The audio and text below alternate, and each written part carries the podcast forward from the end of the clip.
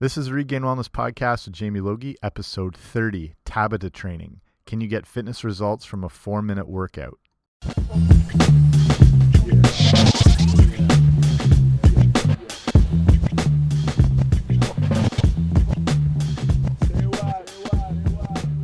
Hey guys, what is happening? Welcome back to the podcast. Happy Saturday. Actually, happy whatever day, because you could be listening to this on any other day. But I'm recording this to have it put out on a Saturday. And I'm Jamie. I run regainwellness.com. If you haven't already, make sure you sign up for the email newsletter. It's also gives you the free ebook I made called the Healthy Eating Starter Kit. And that gets you really up to speed with your nutrition as far as foods you want to be avoiding and including and some recipes and everything like that. And you can get that by going to regainwellness.com slash guide and I'll hook you right on up. So I'm going to do a, a quick one here today based on an article I wrote for a website called Health Today. And it's the idea of this short burst training, specifically a form of training called Tabata training.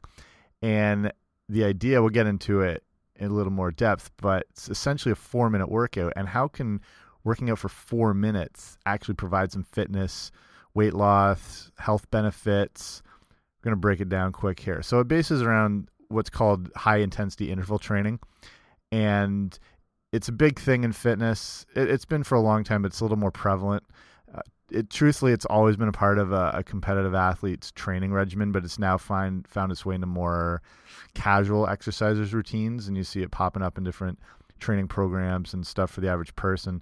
Especially the emergence of CrossFit gyms and programs like that have brought high intensity interval training or HIT training to the forefront and people are starting to gravitate away more from you know hour upon hour slugging it out on a treadmill to more intense effective and shorter high intensity workouts. I'll do a episode way more in depth on high intensity interval training but today we're going to talk about this form of it called tabata training and it takes high intensity to the next level. So if you haven't heard about tabata training it was created by a professor named izumi tabata who worked with olympic speed skaters and the idea is to create a very simple but very intense workout so like I said, very simple. The way you do it is you perform an exercise such as, say, squats or burpees at an ultra high intensity for 20 seconds, like full out 20 seconds. Then you're going to rest for 10 seconds. You repeat this cycle eight times, and that's the whole workout. So it, you know, the first few sets you do doesn't seem like much, but by the end of it, trust me, it's you're dying for those breather periods that seem to go by in a millisecond. And that's the idea that it builds up the intensity as the workout goes on. So the benefits of this is this short workout can improve your maximal oxygen consumption or your VO2 max by 14%. And it's also been shown to boost your anaerobic capacity by an amazing 28%. So anaerobic capacity is key because it helps in shedding body fat while building and preserving lean muscle. So there's studies that are showing that moderate intensity aerobic type activity may help improve aerobic capacity but does not change your anaerobic capacity. And that anaerobic capacity is what helps us get leaner and and fitter and look more athletic and more toned. So the advantage here now is the high intensity exercise improves on both of those things. So not just your anaerobic capacity, but your anaerobic capacity. So that's the benefit of doing high intensity type training. So essentially means you're better off running sets of sprints over four minutes than doing two hours on a treadmill. And there are other health benefits too. So we all get concerned over our appearance. Obviously, none of us can pretend we don't and reduce body fat and increase, increase lean muscle is probably top on the list for why people want to work out. And that's that's fine. You know what I mean? Like I'm not going to pretend that hasn't been goals of mine over the time. I mean, all you have to do is look around your local gym and just check out every dude meathead checking himself out in the mirrors. Side tip for women, I know I've trained a lot of women over the years. I'm a personal trainer, and I know women can be a little hesitant into going into the uh, the meathead areas of gyms where there's more free weights and stuff, and they, you know, they might not be comfortable. They don't. They're afraid of being checked out and whatnot. Um, but trust me, these guys are only checking themselves out the whole time. I actually did this with a lady I was training who was brand new to fitness. She was very hesitant of going into the gym. And I was like, I'm going to prove this to you. So I had her wear an orange shirt, like a bright orange shirt, made her stand out. She wasn't too thrilled. After that, when she was done, I talked to people who were working out after, guys specifically, and said, Did you notice the lady in the orange shirt? They had no clue. They did not see a thing. They're completely oblivious. So, women, if you're a little hesitant, trust me, those dudes are only checking themselves out in the mirrors the whole time. So, the other benefits, though, besides you know reduced body fat, increased lean muscle, there's a lot of research done by the American College of Sport Medicine that shows that this high intensity form of training, like this Tabata type training, can also help improve your blood pressure, improve your cardiovascular sorry health, increased insulin sensitivity, improve cholesterol profiles. Um, the body fat you tend to lose tends to be like in the lower abdomen. It, and like I said, it does maintain increased lean muscle mass, and then the, the big thing I think is that it improves at the same time aerobic and anaerobic fitness. And I'll link some of these studies up so you can see how intensely this has been researched and looked at. So, all in all, it's not bad to include this form of training to reduce your time in the gym and get you on your way while essentially using your time way more effectively. So, how can you incorporate this Tabata type training? So, the original studies by Dr. Tabata had the participants perform this Tabata training four times a week. If you're already involved in a strength training program, Tabata is good to do at the end of your workout. And you can aim to do that maybe twice a week, potentially get it up to four times a week. It's not something you necessarily want to do every day. I don't think you should be working out any day, or sorry, every day as is. So doing it at least twice a week, spread out by a few days, is a great way to get those benefits from it. So it also makes a great workout if you're stuck with not a lot of time to get to the gym or if you're traveling. I mean, you can even do this in your office. You know what I mean? If you're really stuck, you don't need any fancy equipment. You can do it anywhere.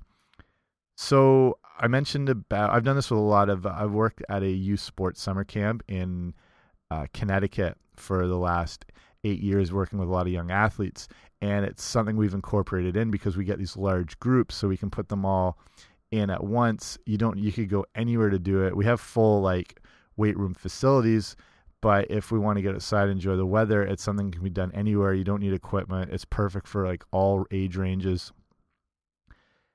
The best exercise choices are going to be for like I said burpees, you've got the the squats I mentioned at the top of the show. First thing is if you are new to working out, you want to consult all, all the time with a physician just to make sure you're healthy for intense activity. So if you're, you know, brand brand new, that's why those those just body weight squats are great to start out on. And then you can move into things like burpees or sprints. When you're performing Tabata training right, you'll know, like I said earlier, by those last few sets, you just wait you're just praying for that 10 second break to come you'll feel like you ran a marathon honestly and that's what makes it so effective i like to do them with burpees personally because the, the burpee is the perfect exercise that combines all forms of muscular endurance uh, aerobic endurance it works everything was actually invented by a guy his last name's burpee that's where the name comes from it's not just some disgusting uh, bodily function but they are perfect and in this form of training will definitely work you completely out. So other good choices for that the 20 second exercise period are rope skipping, um, sprinting. So you can sprint for 20 seconds and then walk for the 10 second rest period. So as long as you have a good amount of area somewhere outside, it doesn't have to be a track, but that helps too. Stationary bike is really good where you you can increase and decrease the intensity. So crank it way up. I mean, you got to push yourself on this 20 second uh, exercise portion, and then you can dial it right down to ease it off for the 10 second rest. Push ups or chin ups, if you're at a higher level, amazing too. So there are some really good apps that will help make you follow this properly. It's quite crucial to make sure you're following the exercise and the rest intervals to the exact second.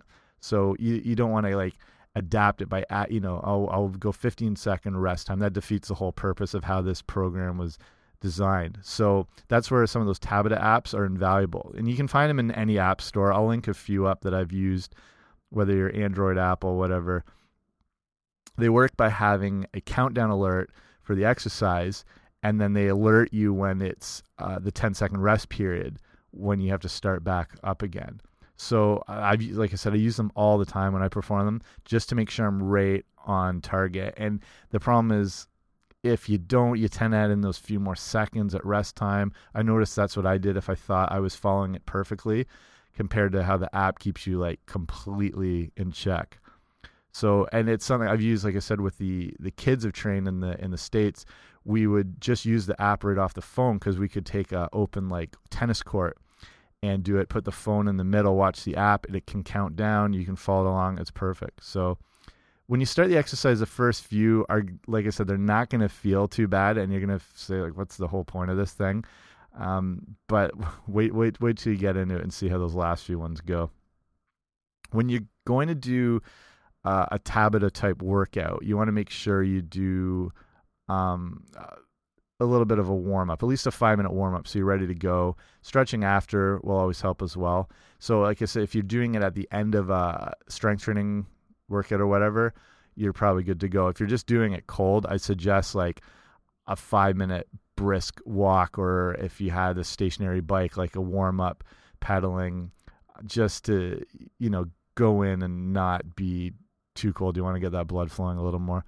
Honestly, adding this type of training twice a week can really give your fitness and your health a good boost. It's it's customizable, it's simple, it's short, it's effective. So I'll link up some more stuff on the show notes, which will be regainwellness.com slash 030, 30th episode here. We're on the, the dirty 30s. And you can see a little bit more to it and and do your own research as well. See if that's something you think will fit in well with you. So that's it for me today. Just wanted to keep it simple on the weekend and give you maybe a new idea into uh, fitness and exercise if you're looking for something different. If you haven't incorporated this already, or if you're just looking for for more information, this can be a good jumping off point for you here.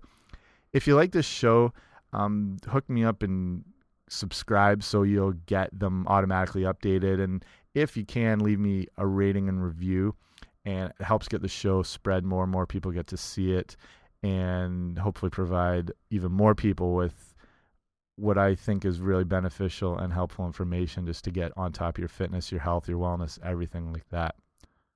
Okay, I'm going to finish with a nutrition tip of the day, and it is that a three quarter cup of almonds has more calcium than a glass of skim milk.